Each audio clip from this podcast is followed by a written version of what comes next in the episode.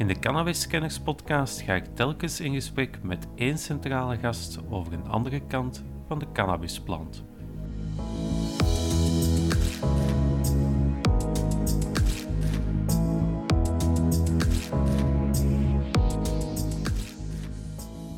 Ik verwacht niet dat we er plots nog zoveel problematische cannabisgebruikers gaan bijkrijgen, want die hebben we al. Uh, die synthetische cannabinoïden zijn een te vermijden kwaad. Een oorzakelijk verband tussen het roken van cannabis en het gebruiken van andere middelen zie ik niet in de praktijk. We Ja. zullen reguleren, de vraag is alleen nog wanneer en hoe.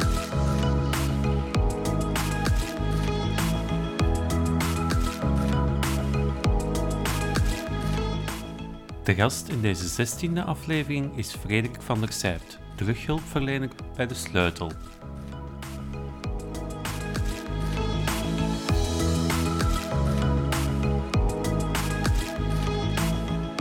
De politiek, de media. Overal horen we dissonante stemmen over het gebruik van cannabis. Tijd om de plant onder een ander licht te houden.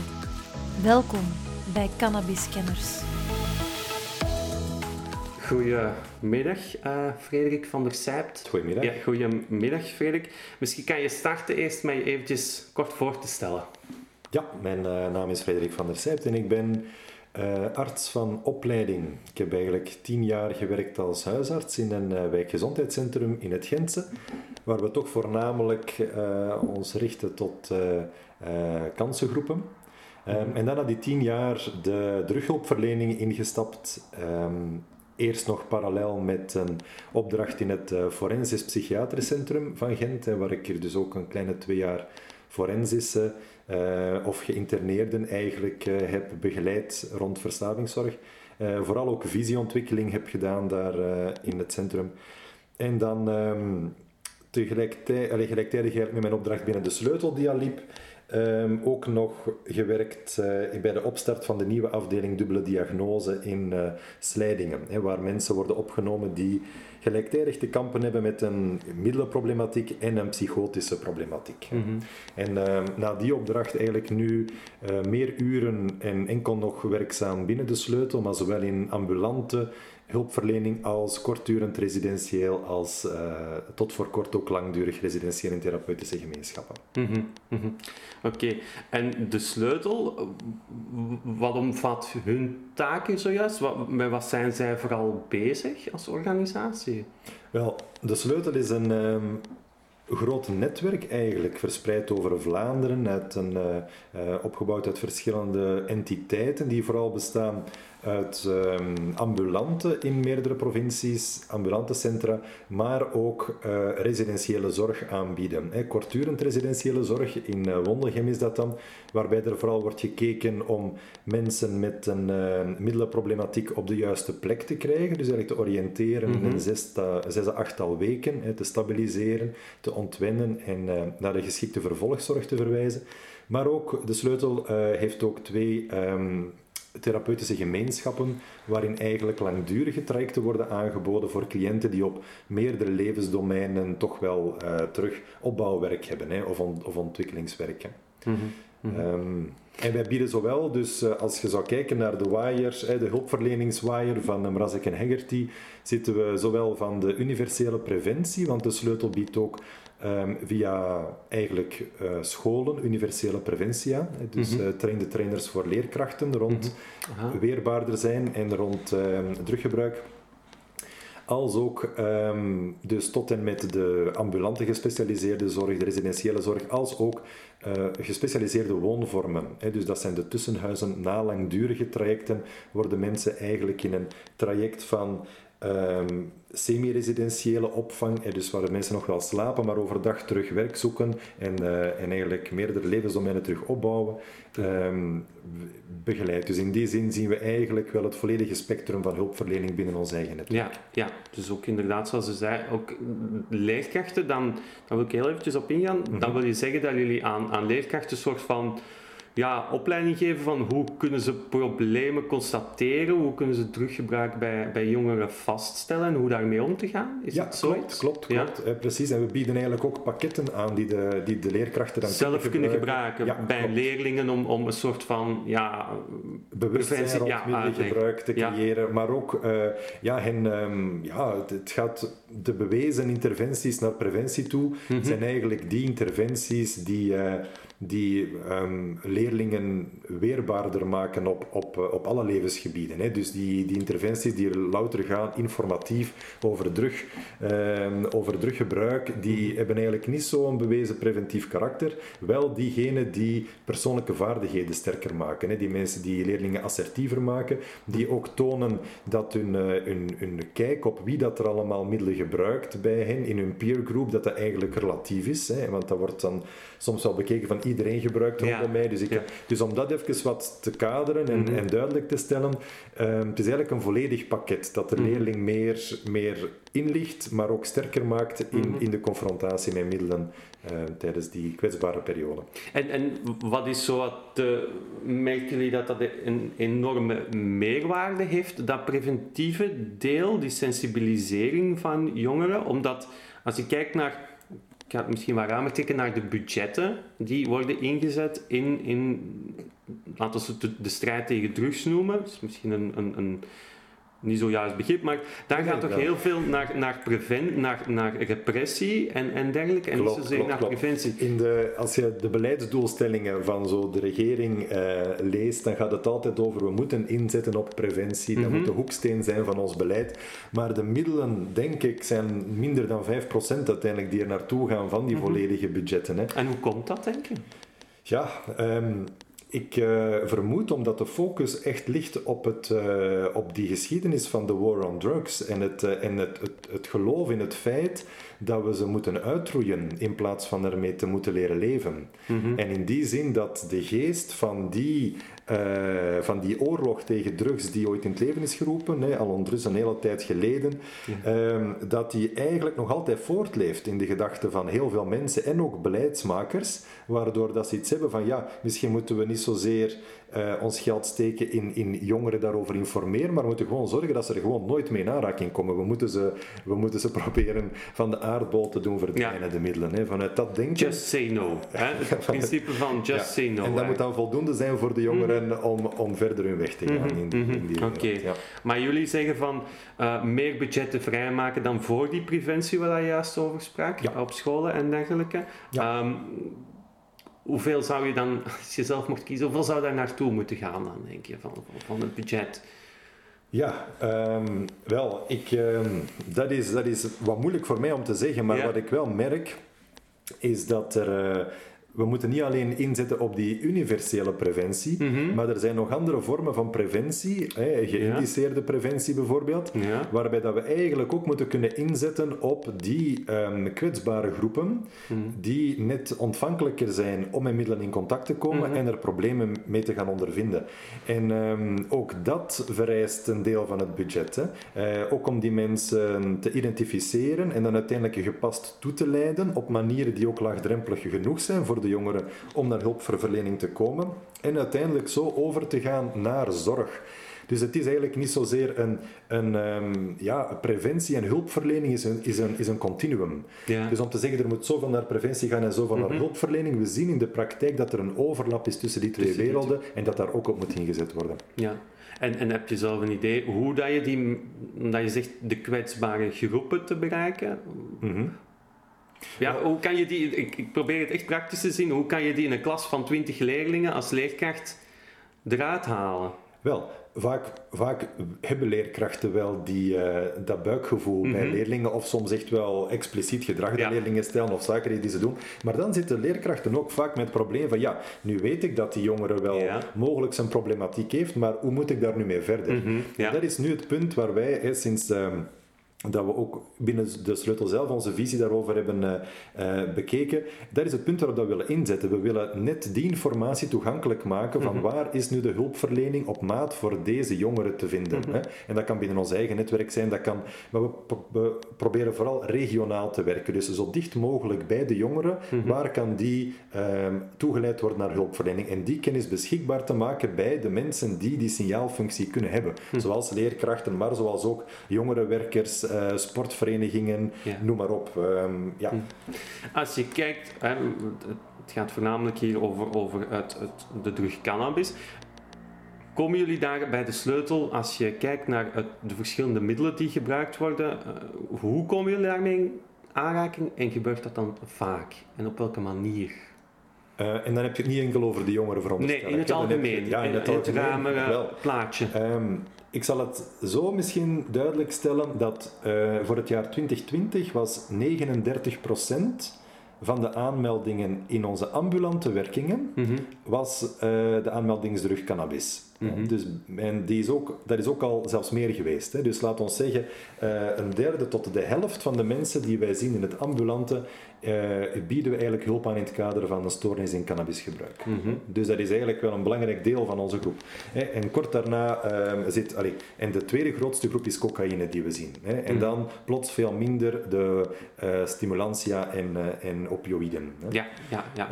in het residentiële Mhm. zien we dan plots veel minder cannabis. Hè. Dus als het gaat over opnames, hè, zowel Ja. kortdurende opnames als in langdurige zorg, is dat dan veel minder vertegenwoordigd. Hè. Waarbij dat in kortdurende zorg we nog een kleine 20% zien in aanmeldingen, maar in langdurige trajecten bijvoorbeeld nog geen 10% meer hè, van Hoe, de hoe trajecten. komt dat, denk je? Um, enerzijds denk ik omdat um, de, er is nog niet, ik denk dat de wetenschap dat er hulpverlening mogelijk is rond cannabis nog niet zo'n lange tijd loopt. En als we kijken naar onze aanmeldingen bij de sleutel, zien we dat tot 2013 eigenlijk die aanmeldingen voor cannabis zijn blijven stijgen. En sinds 2013 zijn die gestabiliseerd. Maar die zijn eigenlijk wel spectaculair gestegen in die periode daarvoor. Um, mogelijk ten gevolge van er wordt soms gezegd van ja, de cannabis is anders geworden, hij is sterker geworden, Mhm. mm -hmm. misschien ervaren mensen daardoor meer problemen, Mhm. misschien. Mhm. Uh, alleszins is het, is, is het wel zo dat het imago van cannabis als onschuldige drug en softdrug waar je toch geen problemen mee kunt krijgen, dat dat wel stelselmatig plaats heeft gemaakt voor, voor het inzicht dat cannabis wel tot problemen kan leiden. Ja. En ook dat er hulpverlening bestaat. En dat die hulpverlening dus eerst in het ambulante komt en dan doorverwijzing naar het residentiële. Dus dat dat wat langer, um, mm. dat, die, dat dat misschien nog een lijk heeft, hè, dat dat nog wat achterloopt. Ja, um, je zegt 39% aanmelding, drug voor aanmelding is, is cannabis. Als je dan met die mensen praat, Blijft het dan bij cannabis of, of is er dan sprake van multidruggebruik? Of, of is er dan van sprake van, kijk, er zit meer achter, een psychische problematiek bijvoorbeeld, en, en dat cannabis dan wordt gebruikt, bij wijze van spreken, om daarmee te kunnen omgaan? Of, of is het gewoon gebruik vooral van ja, interesse en dat escaleert dan gewoon? Allemaal juist. He, uh, al de voorbeelden die ja, uh, hier Die komen jullie tegen? Ja, echt waar. Dus die, uh, de verscheidenheid van mensen, van cannabisgebruikers, is enorm groot. Hè. Ja. Het is heel moeilijk om dat te vatten onder één noemer, Mhm. onder één geslacht, onder één leeftijd, Ja. onder één functie van gebruik. Dat is moeilijk. Wat dat we wel zien is dat er wel degelijk een grote groep enkel cannabisgebruikers zijn, die Mhm. ook geen intentie hebben of risico's lopen om met andere middelen te Mhm. neigen naar andere middelen. Hè. En daarmee wil ik ook een beetje die stepping stone theorie wel weer leggen die we niet in de praktijk bekrachtigd zien. Ja, ja. Wat dat we dus wel zien in polydruggebruik is dat uh, ja, mensen die stoornissen hebben in het gebruik van, uh, van andere middelen uh, ook wel cannabis hebben gebruikt of nog steeds gebruiken, Ja. maar die drinken ook nog een pint hè, en die roken ook nog tabak en die eten ook nog suikerwafels bij wijze van spreken. Ja. Dus een oorzakelijk verband tussen het roken van cannabis en het gebruiken van andere middelen zie ik niet in de praktijk. Hm. Wat ik wel, ehm, wat wel een feit is, is dat de kanalen langs waar cannabis wordt verkregen, en Mhm. ik denk dat we dan in dit kader inderdaad al wat naar regulering praten, hè, of potentiële voordelen van regulering, dat die kanalen waar de cannabis wordt verkregen, dat die zich situeren in, in zones waar ook die andere middelen aanwezig zijn. Dan spreken we eigenlijk over het streven naar scheiding der markten. Ja, ja, ja. Ja, inderdaad. Dus dat we eigenlijk proberen, de, zeker dan de jongeren die interesse hebben in cannabis, Mhm. te, weer, allee, te beschermen voor die Andere. die andere markten. Mhm. Hè?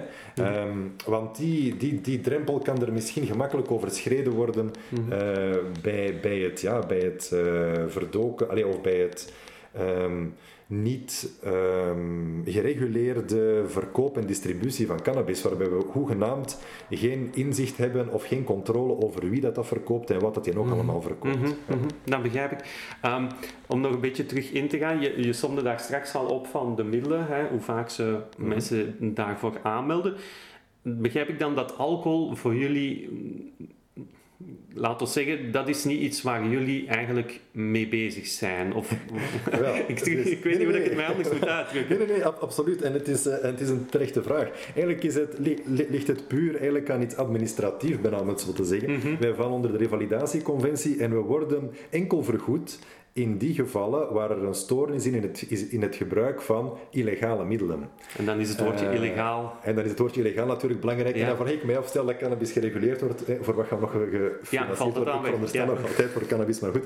Ehm, maar in die zin, ehm, enkel mensen die een afhankelijkheid hebben aan louter alcohol Mhm. of louter benzodiazepines, eh, die zien wij niet. En Mhm. waarom is dat niet? Wij maken ook expliciet die keuze, omdat ehm, alcoholproblematiek is zodanig eh, alomtegenwoordig, Mhm. dat mochten wij ons ook toeleggen op alcoholproblematiek, dan zouden wij 90% van onze tijd met alcoholproblematiek bezig Echt? zijn. Ja. Ja. Hè, ehm, eh, de, de, de omvang van, het, ehm, van ja, de, de, de problematiek rond illegale middelen versus de omvang van de problematiek met de legale middelen, cannabis en al, eh, sorry, ehm, al- alcohol en tabak, Ja. is, een, is een fractie. Mhm. En als wij ons zouden openstellen voor die andere groepen, gaat onze expertise met betrekking tot die illegale middelen verloren, omdat ze zal verdrinken in het werken eigenlijk met mensen die die middelen niet gebruiken. Waardoor ook de, de toegang voor de mensen die wel een problematiek hebben met die illegale middelen eh, lager wordt, hè, omdat er wachtlijsten gaan zijn. Uiteraard, maar je sprak al over het woord polyteruggebruik. Hè? Ik, Ja. ik veronderstel dat mensen die drugs gebruiken niet een onderscheid gaan maken van Nee. ik ga mij enkel toeleggen op legale of illegale of Nee. gebruiken van die.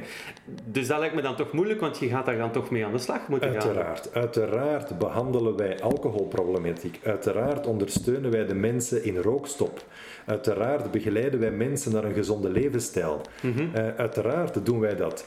En wij doen dat, en dat is ook om te antwoorden op een andere deelvraag eh, van jou, Daan, rond hebben die andere psychische stoornissen ook? Ja, Ja. die hebben vaak andere psychische stoornissen, zeer vaak zelfs.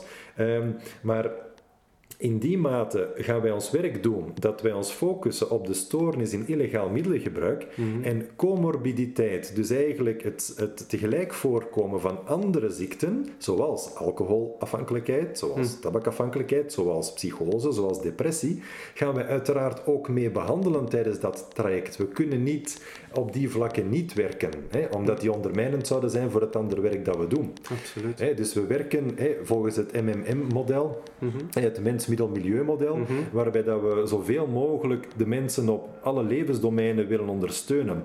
En als op die andere levensdomeinen ook knopen zitten, zullen we die mee helpen ontwarren. Alleen is het niet zo dat, die, dat we zijn gaan helpen wanneer dat die de primaire aanmelding zullen zijn of de overhand beginnen nemen. Als iemand te psychotisch is om een therapeutische relatie mee te onderhouden op dat moment, dan stopt op dat moment onze zorg en zullen wij die doorverwijzen naar een gespecialiseerde zorg voor psychose. Ja. Als, eh, als iemands alcoholproblematiek eh, dermate groot is en dat de illegale problematiek lange tijd afwezig is, zijn wij waarschijnlijk niet meer de beste hulpverlening voor Nee, die eh, nee persoon. dan, dan, dan zeg je.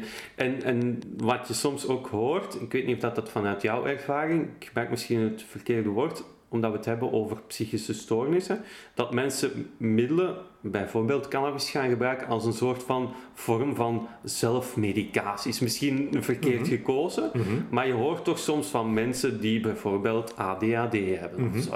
En die zeggen van, ik wil geen pillen nemen, geef mij maar mijn joint. Ik, ik Mhm. trek het misschien een beetje in het absurde, Nee, nee, nee. nee. Maar het is dat precies zo dat die mensen die vraag stellen in de consult. Het is helemaal zo. Ja, ja, absoluut. Ja. En wat is uw antwoord daar dan op? De sleutel eh, werkt evidence-based en in die zin willen we ook als we ehm, behandelingen voorstellen, dat dat de behandelingen zijn die daarvoor geëigend zijn.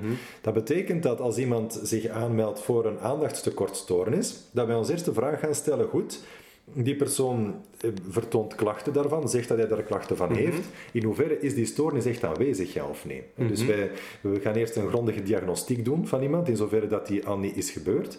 En dan zullen wij die persoon in de eerste plaats ook proberen begeleiden door middel van gedragsinterventies. Hè, bijvoorbeeld zit stil. Ja. Eh, dat, eh, eh, ehm, maar ik bedoel, dus er is een website, hè, een organisatie zit stil, eh, die daar daarmee bezig is. En Ik dacht dat je het letterlijk bedoelde. Soms zou je dat willen zeggen. Ja, ja. Maar ehm, nee, en, dus, en dan de geëigende behandelmethode daarvoor toepassen. Er zijn ook bijvoorbeeld specifieke richtlijnen rond het behandelen van mensen met aandachtstekortstoornissen en met comorbide eh, stoornissen in middelengebruik. hè. Daar is een... eh, een, eh, een richtlijn rond bekrachtigd, een CBAM-richtlijn, waarbij dat er een vijftal medicijnen zijn die we daarvoor kunnen gebruiken. Cannabis staat daar niet onder.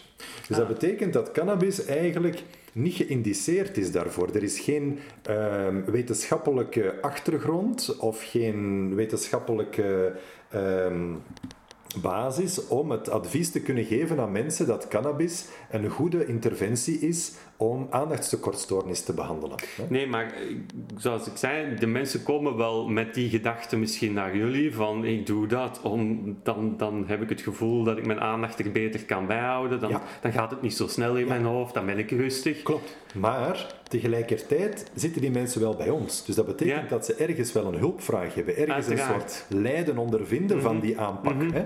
Van kijk, ik rook elke dag cannabis en ik denk dat ik dat nodig heb voor mijn aandachtstekort.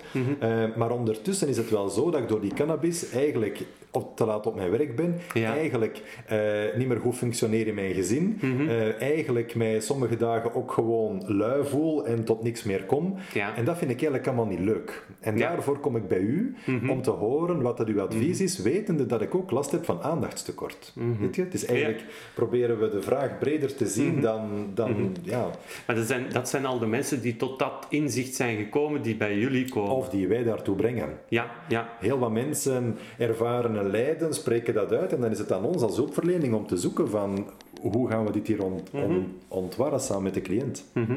Dat is een beetje mijn volgende vraag. Hoe komen mensen met cannabisproblemen bij jullie terecht? Hoe, hoe komen ze uit zichzelf? Is dat iets dat vanuit de familie komt, die hen daartoe zet om bij jullie te komen? Is dat soms ook een juridische achtergrond waardoor ze bij jullie Ja, komen? ja, zou ongeveer kunnen stellen dat een derde van de mensen zichzelf aanmeldt. Mhm. Ehm, een derde vanuit justitie, dat is dus best wel wat. Ja, dat is veel. En eh, nu, dat, dat gaat dan over onze vo- volledige aanmeldingscijfers. Hè. Ja, ja. Ehm, nu, cannabis neemt er wel een belangrijke rol in hoor, want justitie, dan hebben we het bijvoorbeeld ook over verkeersovertreding of positieve speekseltests, Ja. waar we in de praktijk wel veel mee te maken hebben. Mhm, mhm.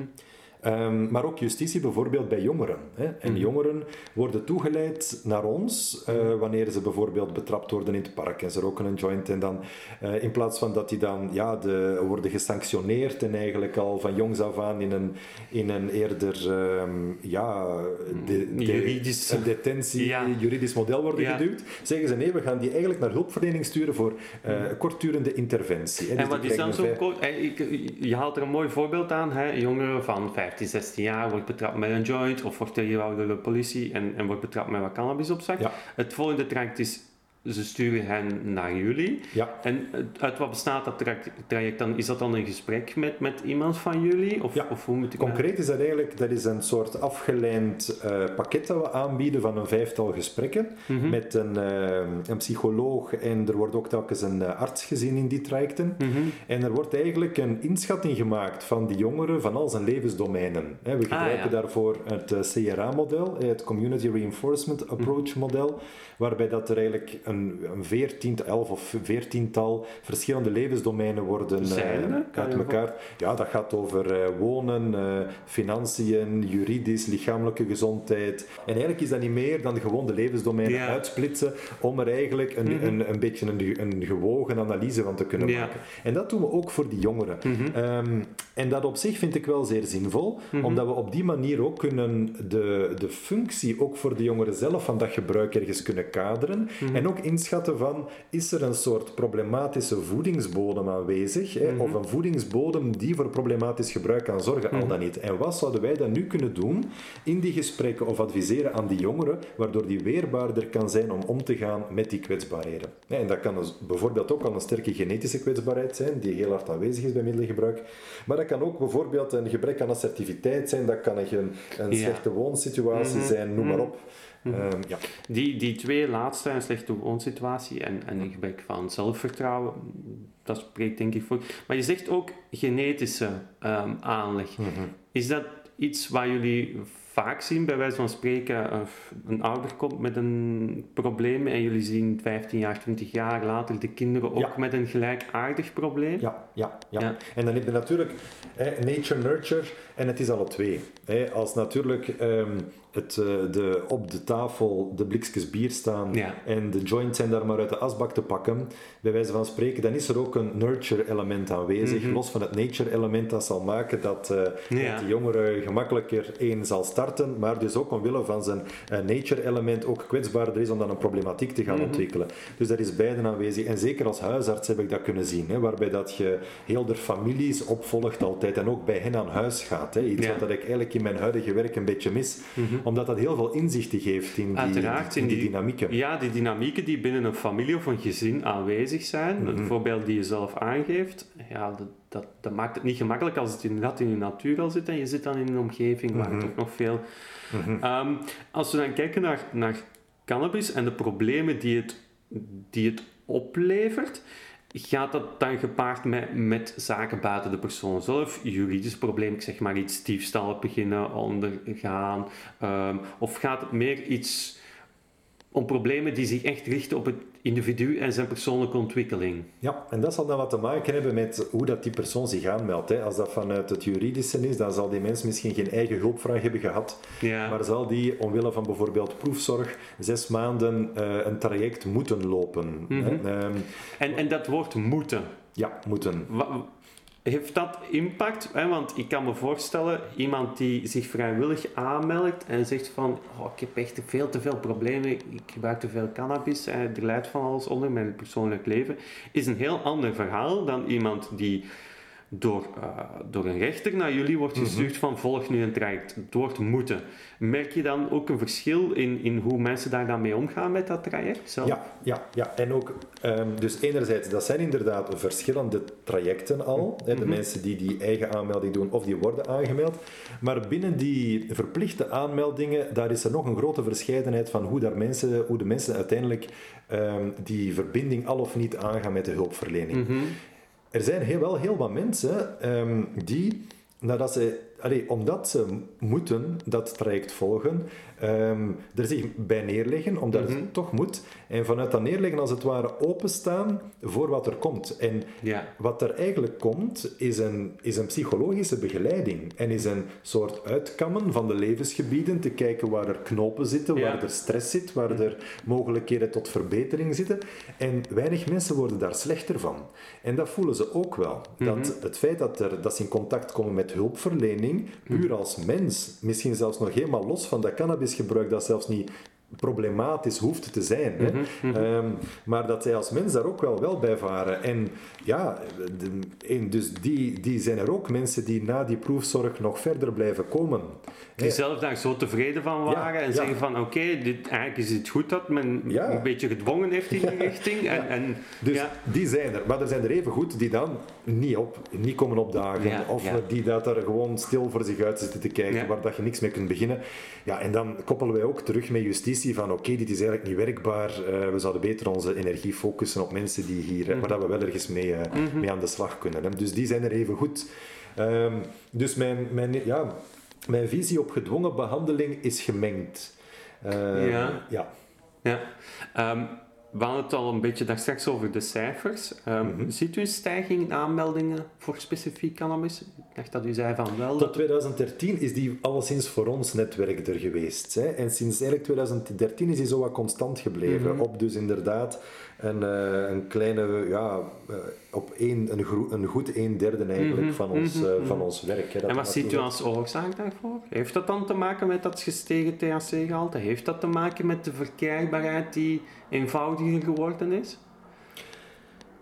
Is vraag. hè? voor 2013, Ja, ja. wat er daar aan de, Ja. aan de, aan de basis van die Mhm, stijging lag. Ehm, ja, ik, eh, ik ga het aan collega's laten die u in de podcast interviewt, om Ja. daar uitspraken over te doen. Maar dat vind je zelf wel moeilijk om daar iets... Wel, wat ik wel denk, is dat we ergens een verzadiging hebben bereikt Mhm. eh, in onze maatschappij. Waarmee dat ik bedoel dat, er, ehm, dat de beschikbaarheid van cannabis voor wie het wil zo groot is geworden, Mhm. dat ik ook niet verwacht dat door te reguleren, dat er een plotse stijging bij ons ook zal zijn van het aantal mensen dat kiest om cannabis te, te, te gaan gebruiken. In die zin dat de mensen die kiezen om cannabis te gebruiken, dat dat grootste deel dat nu al doet.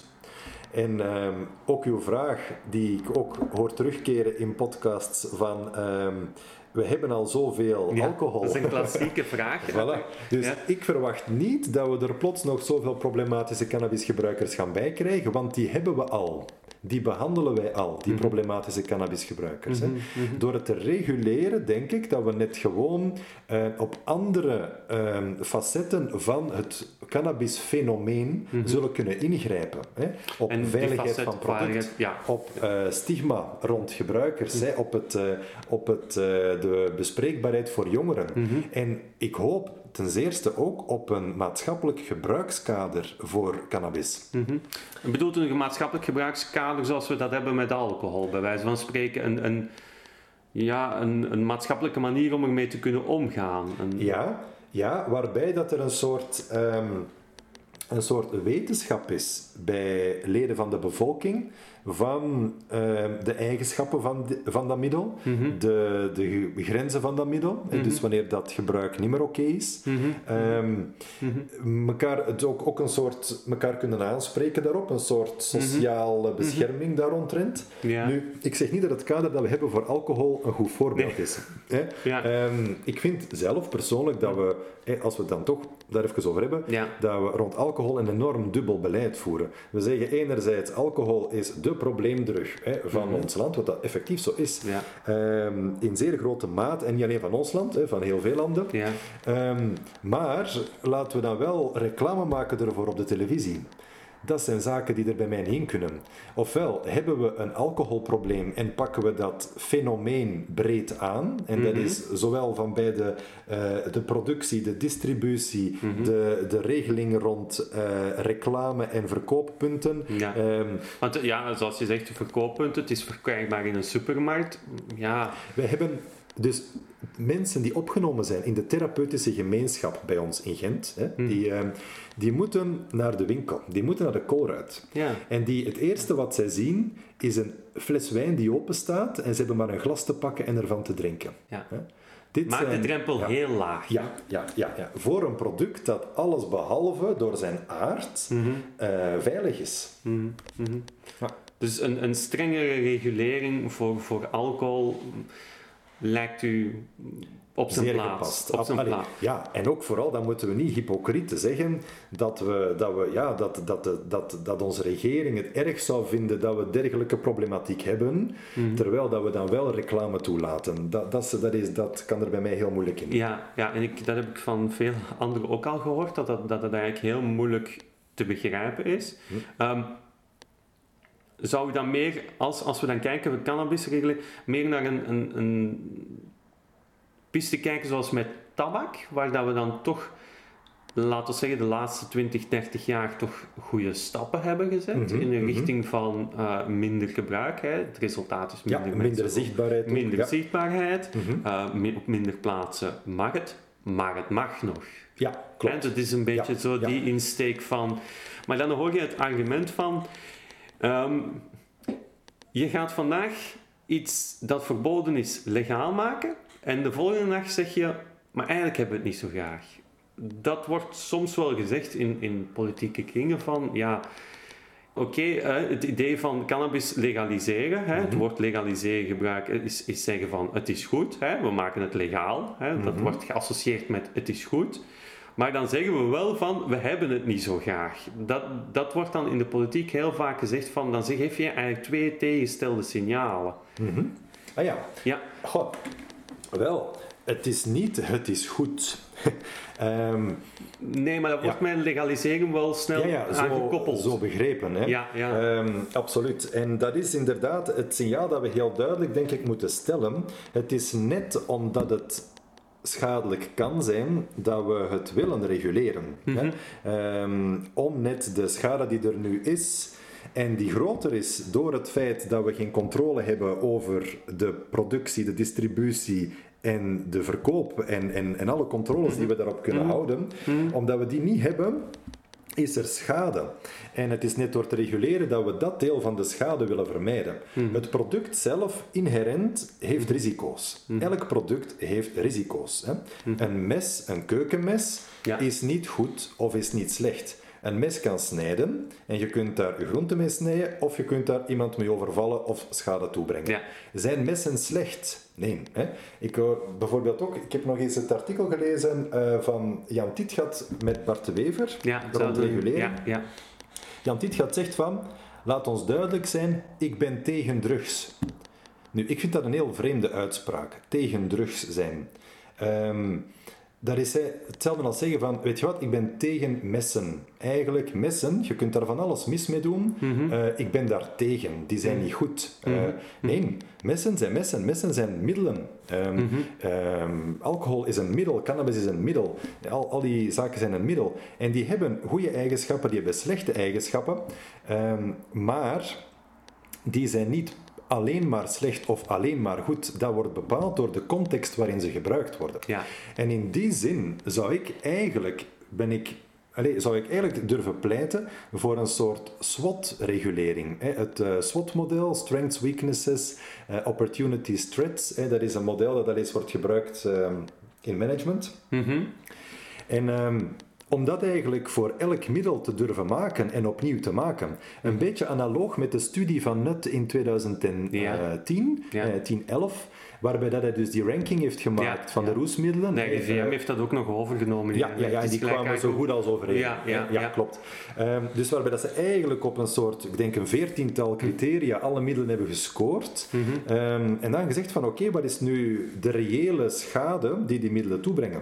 Mhm. Nee, en eigenlijk op basis van een analyse in combinatie met loco-regionaal en tijdsgeest bepaald eh, te kijken van welke plek kunnen die middelen krijgen. En dan bedoel ik niet enkel van welke bedreigingen hebben die middelen, welke threats, maar ook welke opportunities bieden die ons als maatschappij om te grijpen. Dat tweede is een heel moeilijk. Hè? Dat, dat wat je zegt van welke... Ja, het, het is heel moeilijk om positief over, over iets te praten dat illegaal is. Maar helemaal niet. Kijk, ehm, Ja, ik kan dat wel zeggen, maar een politicus kan dat niet zeggen. maar Dan ik bij de bedoel, politiek. ik denk dat we het, we moeten het durven ook zo zien. Bijvoorbeeld de opioïden. Mhm.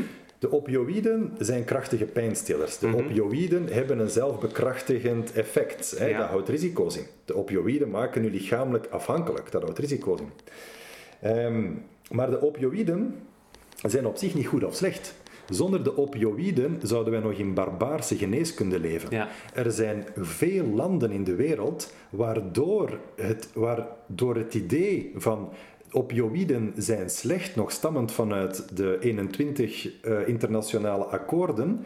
We gaan zo weinig mogelijk opioïden gebruiken, dat er daar een, een, een, een situatie is van mensen die pijn hebben. Hè. De Global Commission on Drug Policy, ik vind het vreemd dat die zo weinig wordt aangehaald in deze gesprekken eigenlijk, is ehm, al jaren bezig met rapporten uit te brengen over dergelijke zaken. Ja. En een van hun rapporten daarover is ehm, eh, die, eh, dus de crisis van vermijdbare pijn. Hè, dus de globale crisis van vermijdbare pijn. Ja. Waarbij dat ze eigenlijk aantonen dat, de, dat de toegang, eh, de, de, het gebrek aan toegang tot opioïden in landen leidt tot lijden van mensen met ziektes waar de geneeskunde eigenlijk waar de geneeskunde stopt, waar de geneeskunde geen antwoord op weet, dat bieden de opioïden een oplossing van het lijden. Hè? Ja. Maar als daar geen toegang tot is, dan creëert je een enorme hoop lijden, Ja. eh, omdat je zegt van opioïden zijn slecht, drugs zijn slecht. Ja.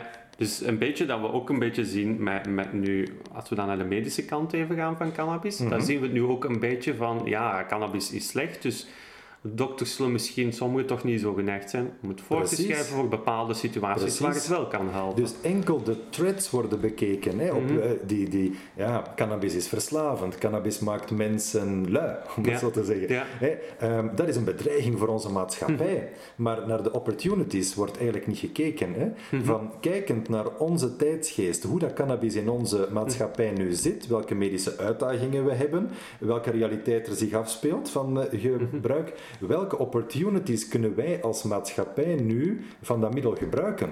En dan denk ik dat we met regulering er ook wel heel wat positieve effecten kunnen bijhalen. Uiteraard, uiteraard.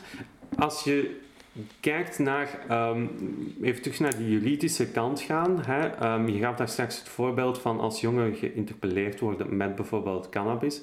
Ehm, als dat met alcohol gebeurt, dan komen ze niet bij jullie terecht, denk ik. Of, Nee. of vergis ik mij daarin? Nee, dat klopt. Komen ze klopt. dan ergens terecht? Ja, ze komen terecht eh, bij de geestelijke gezondheidszorg. hè. Ja, Eh, want, ja. want ik las overlaatst nog een artikel ehm, bij de UZ, Gen, UZ Leuven en Heilig Hart komen er per dag vijf mensen binnen met alcoholintoxicatie. Is op 12 jaar met een derde gestegen. Hm. Ik kan me moeilijk voorstellen dat al die mensen daarna in een begeleidingstraject komen om te zeggen van jullie hebben een probleem met alcohol. Klopt, de meesten worden eigenlijk een keer dat ze veilig ontnuchterd zijn terug naar huis gestuurd. Ja, met het advies en ja. wel een brief naar de huisarts van kijk, die man is opgenomen geweest met alcoholintoxicatie, problematisch gebruik. Hè. En dan is het aan die huisarts om dat dan op te pikken, dat signaal, Mhm. en om die Ah, man... Oké, dan- hè, dat gebeurt wel. Dus de huisarts... zeg, dat is het kanaal wat eigenlijk klaar ligt daar, daarvoor. Mhm. Of het dan effectief wordt betreden, dat pad, dat is nog iets, iets wat ik in het midden laat. Mhm. Maar voor suïcide bijvoorbeeld bestaat dat. Hè. Dus als er iemand wordt opgenomen met suïcide, is er een formeel akkoord dat na ontslag er altijd een brief wordt gestuurd naar de huisarts en dat er opvolging aan moet zijn. Hè. Dus bij een zelfmoordpoging. Hè. Mhm. Omdat onze suïcidecijfers hoog zijn, heeft de overheid ook zo'n beleid eh, daarop gezet. Voor alcohol is dat er niet. Hè. Mhm. Alcohol, ja, Mhm. de feesten in, eh, eh, als die spoeddiensten dan effectief allemaal moesten doorstromen, Ja. naar de hulpdiensten, ja. Ja, want eigenlijk schieten we daar dan een beetje tekort. Ook, ook van de opvolging van mensen met, met misschien alcoholproblemen worden misschien dan niet nauw genoeg opgevolgd. Of... ja, zeker. Er is heel veel verborgen alcoholproblematiek. Mensen komen te laat naar hulpverlening. Ja, is, ziet u dat, dat dat bij hulpverlening, dat men met illegale middelen sneller naar die hulpverlening stapt dan Nee. met een legaal middel als alcohol of tabak bijvoorbeeld? Nee, ik zou net denken dat dat alleen maar drempelverhogend kan zijn. Het feit dat je het niet kunt uitspreken Ja. eh, om Dus dan komen we bij het thema veroordeeld te worden. een stigma taboe. Ja, ja, Heerst dat er hard op bij cannabis? Merk je daar een evolutie in? Is dat minder of meer dan vroeger? Of, of blijft dat Het zal het minst gestigmatiseerde illegale product zijn, alleszins. Ja. Ehm, de cultuur, de jongere cultuur, heeft dat denk ik aanvaard als het wordt erbij. Zeker met de globale golf van regulering. Ja. Denk ik wordt het nog veel minder in vraag gesteld dat het er ergens bij hoort. Mhm. Ehm, nee, en ik denk misschien dat dat net ook die cultuurswitch ervoor heeft gezorgd dat die stap naar hulpverlening eh, gemakkelijker is geworden. Ja. En dat we dus meer aanmeldingen hebben Ah, gekregen. ja. Dus Dat kan ook een oorzaak Dat kan een oorzaak zijn. Ik, ja. Ja. Ja, het, is, het is moeilijk om, om daar een uitsluitsel op te geven, dat heb ik. Ehm, ik heb in heel uw verhaal gehoord, een aantal keer aan het woord reguleren, legaliseren. Ik maak daarop op dat dat voor, vanuit uw standpunt als arts, als persoon die werkt voor de sleutel, een, een, een betere manier is om ermee om te gaan. ik wil daar even heel duidelijk bij vermelden. Ja. Dus de VAD heeft in december 2020 die visietekst rond cannabis ehm, gepubliceerd. En als sleutel onderschrijven wij die. Als organisatie De Sleutel willen wij mee op zoek gaan naar, vanuit onze pet, met onze pet van hulpverlening dan, van hoe kunnen we komen tot een ander wetgevend kader Mhm. eh, dat vooral naar gezondheid en welzijn Mhm. eh, voor de mensen bonuspunten, allee, bonussen zal opleveren. Ehm, en dan, ehm, maar dat is er. ehm, rond, rond cannabis. Hè. Dus dat is Ja. er duidelijk niet rond de andere middelen. Nee, nee, nee. En dus ook de, de, mijn persoonlijke insteek over hè, bijvoorbeeld het kijken naar, naar eh, de regulering van andere middelen is een persoonlijke mening. Hè. Ja, dus die uiteraard. is niet gedragen door de sleutel. nee, nee Ja. dat begrijp ik. Maar jullie zeggen wel vanuit de sleutel, wij onderschrijven, we moeten op, on- op onderzoek gaan naar andere manieren om, om, om ermee om te gaan. Ja, we hè. moeten onze expertise als hulpverlening moeten we inzetten om tot een, gebruik, allee, tot een maatschappelijk gebruikskader te komen, een regulering eigenlijk, die de schade naar de gebruikers toe zoveel mogelijk beperkt. Eh, absoluut, hè, in de functie van meer gezondheid en welzijn. En ik denk dat we er als drughulpverlening mee aan tafel moeten zitten. Daarom vind ik het ook zeer correct dat wij als organisatie mee een dergelijk initiatief eh, gaan onderschrijven om net die stem te kunnen laten horen in die discussie. Die is zeer belangrijk. Ja, ja. Kom ik bij het persoonlijke deel. Als u nu zegt, als u zegt ik zeg, je hebt morgen ehm, de keuze, hoe, hoe zou je het reguleren, cannabis? Hoe zou, vanuit uw ervaring, uw persoonlijke visie, hoe zou u het aanpakken? Wat zouden voor u belangrijke maatregelen zijn binnen, dan, binnen een regulering? Waar ligt voor u dan de nadruk op? Wel, de nadruk ligt denk ik vooral voor mij op het voortraject dat wordt gedaan. Het traject naar de regulering toe. Want het is wel zo dat eh, cannabis is wel iets of wat mainstream, maar op, eh, voor vele mensen ook helemaal niet. Hè. Ja. Ehm, en ehm, in die zin, als wij een regulerend kader als maatschappij willen aanbieden, moeten we ook zorgen dat, dat onze burgers mee zijn met wat cannabis is. Zij gaan plots toegang krijgen tot een middel, weliswaar binnen strikte kaders. Ehm, een middel dat eigenlijk eh, tot daarvoor niet op die manier toegankelijk was. Ik dus een beetje voorlichting geven aan, aan de mensen die het product op zich niet kennen, er helemaal niks mee te maken hebben. Want dat is iets wat ik vaak ook hoor, is van... Ja, er zijn nog veel mensen die zeggen van... ehm, ik zou echt niet weten hoe ik er moet aangeraken. Maar als er morgen in mijn straat een winkelpunt is, of een verkooppunt, dan verlaagt voor mij dat de drempel. Is dat, heb je het dan over die mensen die... Eh, nee, nee, nee, nee, ik heb het echt over iedereen. Ik heb het ook over eh, oma en opa die Ja. moeten weten dat hun eh, zoon van 15 jaar met cannabis Ja. experimenteert Ja. Mhm. en dat oma en opa ook een soort referentiekader hebben in hun hoofd, dat, ze, eh, dat ze dat ernstig genoeg nemen, Mhm. ehm, maar dat ze dat ook wel kunnen plaatsen binnen een, ja, binnen een levensfase. Mhm. en, en binnen een, ja, een kans op problematisch gebruik van 1 op 6. Ja? Maar dus dat er ergens een, een soort, ja, meer toch kennis is. Hè? en ontbreekt dat in België nog? Die... Ik denk dat dat ontbreekt. Als dat, eh, als dat zo'n algemene kennis was, dan lijkt het me raar dat we nog altijd met zo'n beleid zitten. Ja. Ehm, mocht die kennis zo veralgemeend zijn. Het, het volgende aspect dat ik toch nog even ook wil behan- behandelen is de politiek. Hè? U, u vertelt hier heel veel, eh, al mijn gasten vertellen veel, maar die zitten allemaal niet in de actieve politiek. Hè? Die moeten het beleid niet uitstippelen. Hoe ervaart u of vind je dat er door de politiek mee wordt omgegaan met het thema cannabis? Ja, ik denk dat er vooral heel professioneel wordt afgebleven van het eh, thema. Ja. Ehm, wat dat... ehm, ja, wel, ik kan het niet anders zeggen dan dat ik denk dat het, eh, het is een onstopbaar fenomeen is. We Ja. zullen reguleren, de vraag is alleen nog wanneer en hoe. Mhm. Ehm, maar ik vond het heel tekenend dat bijvoorbeeld het eerste rapport van de Global Commission on Drug Policy Mhm. in 2011, hè, waarbij dat eigenlijk op de cover van de rapport staat er War on Drugs en War is geschrapt. Ja. En dat is trouwens een heel vlot leesbaar rapport, kan iedereen ik ga eens eh, aanbevelen. Net ja. als alle andere rapporten trouwens. Dus ter info, ook die commissie is eigenlijk samengesteld uit een twintig of dertigtal staatshoofden voornamelijk. Hmm. Dus de ex-presidenten van Mexico en Brazilië en Zwitserland. eh, die... ehm, eigenlijk eh, ja, samen zich buigen over hoe gaan we het globale drugsfenomeen Mhm. onder controle krijgen. Vooral, hè, want daar gaat het over, over controle krijgen over de middelen.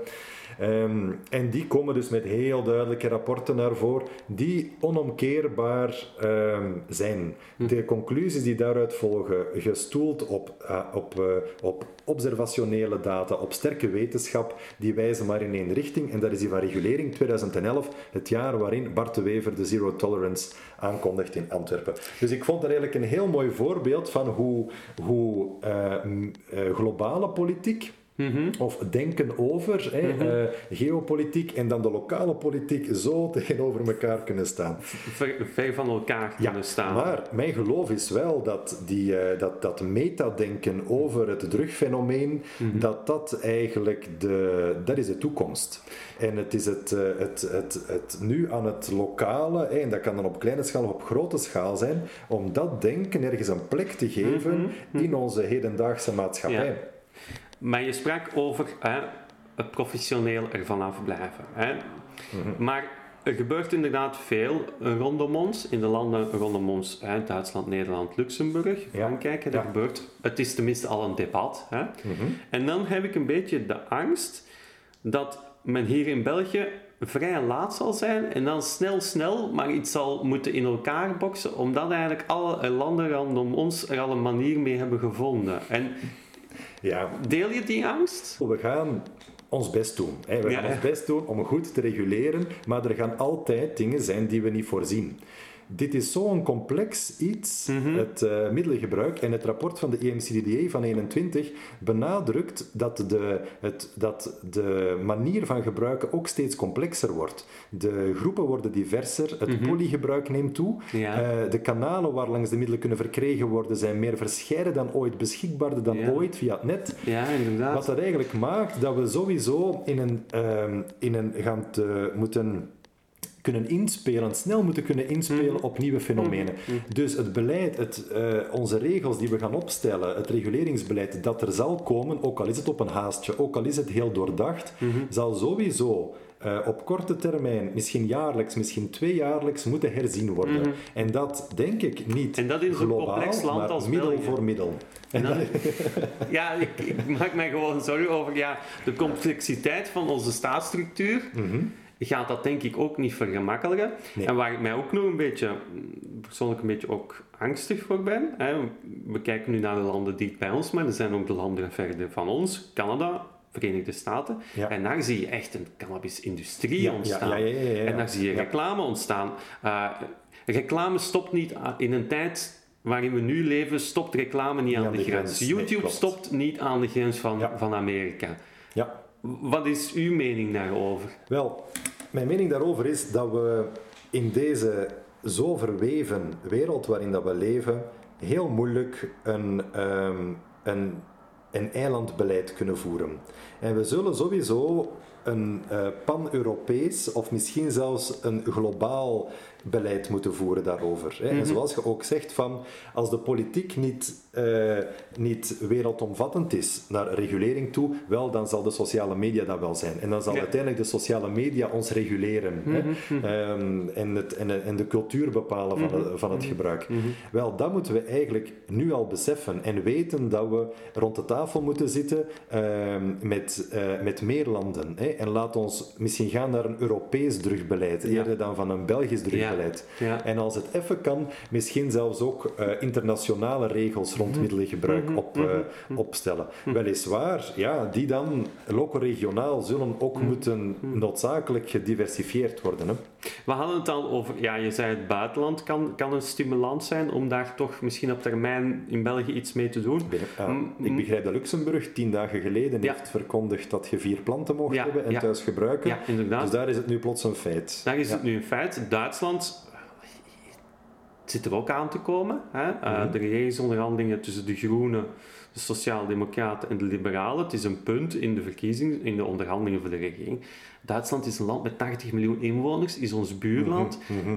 Dan kan je heel moeilijk die realiteit gaan negeren. Ja. Wat men nu toch blijft doen, hè? je zou zeggen het buitenland, maar dan zijn er toch ook ontwikkelingen in het binnenland. Hè? Dan heb ik het over de synthetische cannabinoïden Ja, ja, ja. die, die, die populairder worden, die risico's inhouden, maakt dat de politiek dan niet wakker? Dat is een probleem. En dat wil ik wel hè, als, eh, als hulpverlener Ja, hier toch wel expliciet als signaal ook even aan de alarmbel trekken. Eh, die synthetische cannabinoïden zijn een te vermijden kwaad. Ehm, en hoe te vermijden. door, de, door gereguleerde cannabis te, te beschikbaar te stellen. Cannabis waarvan dat we het percentage kennen Mhm. van actieve stof en waarvan dat we ten eerste weten dat het over THC gaat en over CBD Ja. gaat hè, en over cannabigerol gaat en Ja. over cannabinol gaat en over dergelijke. Ehm, maar dat we ook inderdaad kunnen bewaken wat het product is waar onze, waar onze maatschappij mee in contact zal komen. hè, waar de jongere die, die op zijn 17, 18 uh, wil experimenteren met cannabis, wat dat, dat product zal zijn. Zal dat een synthetisch cannabinoïd zijn uit, een, uit China, voilà, uit China uh, dat twee maanden bestaat, bij wijze van spreken. Ja. Niet bij wijze van spreken, dat, zal, dat kan best ja. een realiteit zijn. Hey, of zal het gereguleerde cannabis zijn waarvan dat we weten dat die veiliger is dan die synthetische producten. Mm -hmm. De Want synthetische je... producten hebben als grote nadeel dat die helemaal geen rekening houden met ja. die complexe samenstelling van natuurlijke cannabis, waarbij dat we er momenteel van uitgaan dat uh, cannabidiol een soort uh, matigend effect heeft op de, of de psychotogene effecten van THC. Ja. Hè, wat dus toch beschermend is. En waarbij dat we dus ook hebben gezien dat die steeds maar sterkere THC, die is veredeld in die richting, dat die ook wel meer klachten geeft. Ja. De kans op psychose neemt toe als die verhouding tussen THC en CBD te ver uit elkaar komt. Maar dat weet nu een student hè, of een jongen die cannabis koopt, die krijgt gewoon een zakje met Ja. een paar toppen in. Ja, Who knows? En, en wat je ook wel hoort is dat, dat er bij wijze van spreken gewoon henneptoppen worden gekocht en dan wordt Ja. daar dat poeder opgesprenkeld, hè, die synthetische, en dat Ja. wordt dan allemaal maar opgegoten. klopt. Ik spreek dagelijks met cannabisgebruikers Ja. uiteraard, maar ik spreek ook met mensen die die synthetische cannabis gebruiken. En dus eh, er zijn websites, eh, ik wil ze nu niet vernoemen, Nee. maar, eh, maar het, het kost ook niet veel moeite om Nee. te vinden. Hè. Die, maar daar koopt je dus inderdaad volledig in het wit, zo, gezegd, uw zakje Herbal Blend. Ja. En dat is dan besproeid met een cannabinoïd. En dat heeft dan vaak zo namen als JWB Spice en wat dit 382. allemaal. Ja. Hè, en dat is, dan, dat is dan wat dat je rookt, of denkt dat je zult roken. Maar dat is niet alleen wat dat er mij ver, ver- verontrust. Hm. Wat er mij verontrust is dat er ook natuurlijke cannabis wordt... ge, hoe moet ik het zeggen, gespiked, of waar, waar dus die synthetische cannabis aan wordt toegevoegd. Ja, Hè? ja. Eh, dus er is geen enkele garantie meer, ook al ziet het er natuurlijk uit, dat er toch geen zeer, eigenlijk wel toxische stoffen gaan inzitten. Ja. Dus het zou ook kunnen dat het dat misschien de, de drempel zijn, als de, de druppel zal zijn ik begrijp dat er daar in twee scholen nu Ja, in leerlingen met, oh, voilà, met eh, vapes, eh, waarin Ja. dat is in deze cannabinoïden zit. Ja, daar vraagt je om als je geen andere cannabis ter beschikking stelt. Hè. Ja. Dat is gewoon ja, de markt van vraag en aanbod. En als je het ene kunt krijgen, maar het ander wel, ja. Dan neemt je het ander. ja. Een laatste, hè, en dan gaan we het bij laten, want het is al een lang gesprek. Het laatste waar ik het zou over willen hebben, is de media. Ik, Mhm. ik zie jouw naam soms opduiken in artikels over het thema cannabis. Ehm, Mhm. Als het dan gaat over, over landen die legaliseren, maar ook over andere zaken rond cannabis. Hoe ervaar je dat de media met dat thema omgaat? Eh, bespreken ze het genuanceerd? Is het, is het vanuit één standpunt? Ehm, zijn ze daar volgzaam naar de politiek toe? Brengen ze het thema zelf soms onder de aandacht of moet er echt iets gebeuren? Hoe, hoe voel jij dat aan? Ja, ik denk dat dat vooral wordt gekleurd door de eigenheid van die verschillende mediums, dan, om het te, zo Mhm. te zeggen. Hè.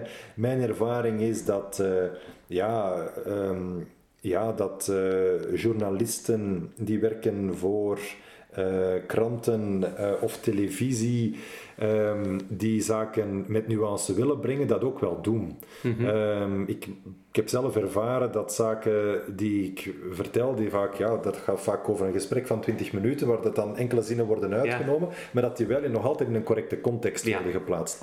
Terwijl dat er natuurlijk ook eh, media zijn die vooral belust zijn op die woorden van eh, legaliseren en, Mhm. en, en punt, of eh, weer een verschrikkelijk product op de markt en, en, en Ja. noem maar op. Dat hangt van het publiek. Ja, ik denk dat de, de media graag voorschotelt wat het publiek wil zien. En misschien is dat met de sociale media nog meer zo geworden, Mhm. Dat ze gewoon meekijken van Mhm. waar, waar zijn de mensen naar op zoek. Wel, laten we dan ook hen naar de mond spreken als het daarover gaat. Hè. De serieuzere media heb ik niet zelf het gevoel dat die Mhm. nu een standpunt contra of zo innemen of zouden... eh, nee. Maar als het dan gaat, nog heel even over de politiek bijvoorbeeld, dan gaat het dan toch ook over een stuk van vijf minuten politieke moed hebben, want het is, hoe je het ook draait of keert, bij heel veel van de bevolking zal het woord legaliseren en reguleren in eerste instantie niet goed vallen, denk Mhm. ik dan. Hè? Het zal niet populair zijn, maar ja, moeten politici soms zich daar dan eens niet proberen boven te plaatsen en naar de wetenschap te luisteren? Want ik maak soms in de podcast ook de vergelijking met de coronacrisis. hè. Mhm. Daar heeft de politiek toch ook ja, een stapje achteruit gezet op een bepaalde manier voor de wetenschap. Ja. Waarom lukt dat, denk je, bij een thema als dit misschien minder? Ah, omdat dat, ja, dat is, dat is, zo'n, dat is van oudsher al zo'n taboe-onderwerp. En ja, die, die ooit gestarte oorlog tegen drugs heeft daar geen goed aan gedaan. Die zit zodanig ingebrand in mensen hun hoofd, dat uh, net dat de zinnetje drugs zijn slecht, hè, maar niet kunnen kijken dat we tegenwoordig dus die... Uh, Um, uh, opioïden, dat dat onze basis is van verregaande pijnstilling. En medicatie Dat MDMA wordt gebruikt voor posttraumatische ja. stress, dat psilocybine voor clusterhoofdpijn en voor depressie wordt gebruikt, uh, dat ketamine voor therapieresistente de depressie wordt gebruikt. Dat zijn drugs. Hè. Ja. Ik gebruik het woord drugs niet graag, omdat daar heel vaak die connotatie mm -hmm. van schadelijk middel aan komt. Maar het gaat uiteindelijk om psychoactieve stoffen. Je spreekt nu in de ene richting, maar het gebeurt ook in de omgekeerde richting. Hè? Dat mensen uh, iets. Uh, je spreekt nu over illegale middelen die gebruikt kunnen worden in mm -hmm. een legale mm -hmm. context, in, mm -hmm. een, in een zorgcontext. Het omgekeerde zien jullie denk ik ook vaak. Hè? Dat, dat, dat medicatie op een ongezonde manier wordt ja, gebruikt. Klopt, klopt, klopt. Uh, kan je dat misschien tenslotte nog eventjes wat belichten? Wat... Wel, in die zin, en dan wil ik het over de opioïden hebben. Hè? Ja. Uh, dat dus, want ieder, misschien zijn luisteraars op de hoogte van de opioïdcrisis Ja, die er in is, voilà, heeft gewoed en nog altijd wel woedt in Amerika en die ook bij ons zou aanwezig zijn als we kijken naar het aantal voorschriften voor, voor opioïde pijnstilling. Um, wel, expliciet hebben wij gekozen als netwerk de sleutel bijvoorbeeld, om wel die mensen toe te laten. Dus ik zei u daarnet dat we Ja. eigenlijk niet vergoed worden voor producten die illegaal zijn. Wel, nu is het zo dat opioïden zijn wel een bijzonder geval, want de expertise om om te gaan met opioïdafhankelijkheid zit eigenlijk niet bij de huisartsen, zit ook niet bij de pijnspecialisten, hè. zit eigenlijk in de verslavingszorg vanuit die jarenlange ervaring Met heroïne. Met heroïne, ja. Dus wij zetten mensen op substitutie. Wij hebben ervaring met methadon, met uh, buprenorfine. En dat maakt dat eigenlijk wij wel een plek zijn waar, die, waar we die mensen met die opioïdafhankelijkheid kunnen helpen. Die nu eigenlijk voor gesloten deuren komen te staan bij de huisarts, want die zegt van oei, maar je neemt het niet meer voor de pijn, je hebt een problematiek, ik ga je verslaving niet verder onderhouden. Hè? En Ja, ik begrijp ja. dat ook. Als je niet met de expertise zit om dan de switch te maken naar eigenlijk is de diagnose niet meer pijn, maar is de diagnose een middelgebonden stoornis, En dan stoppen zij natuurlijk met voorschrijven. en dan stoppen ze met voorschrijven. En dat is wat er in Amerika ook is gebeurd. En Ja, dan gaan de dan- mensen eigenlijk ja. Gaan zoeken. Ja, dus dat is, en expliciet door te zeggen, we gaan die mensen wel zien, Mhm. ook al is dat eigenlijk niet strikt illegaal gesproken dan, Mhm. eh, hopen wij dat wij alsnog een beetje van die opioïdcrisis van Amerika kunnen milderen door mensen meer toe te leiden naar ons. Hè. Ja. Ja, Oké, in elk geval bedankt voor de uitleg. graag gedaan. Bedankt Frederik van der Sijpt voor dit uitgebreide gesprek. En u luisteraar, u graag binnenkort terug voor een nieuwe aflevering van de Cannabis Kenners podcast.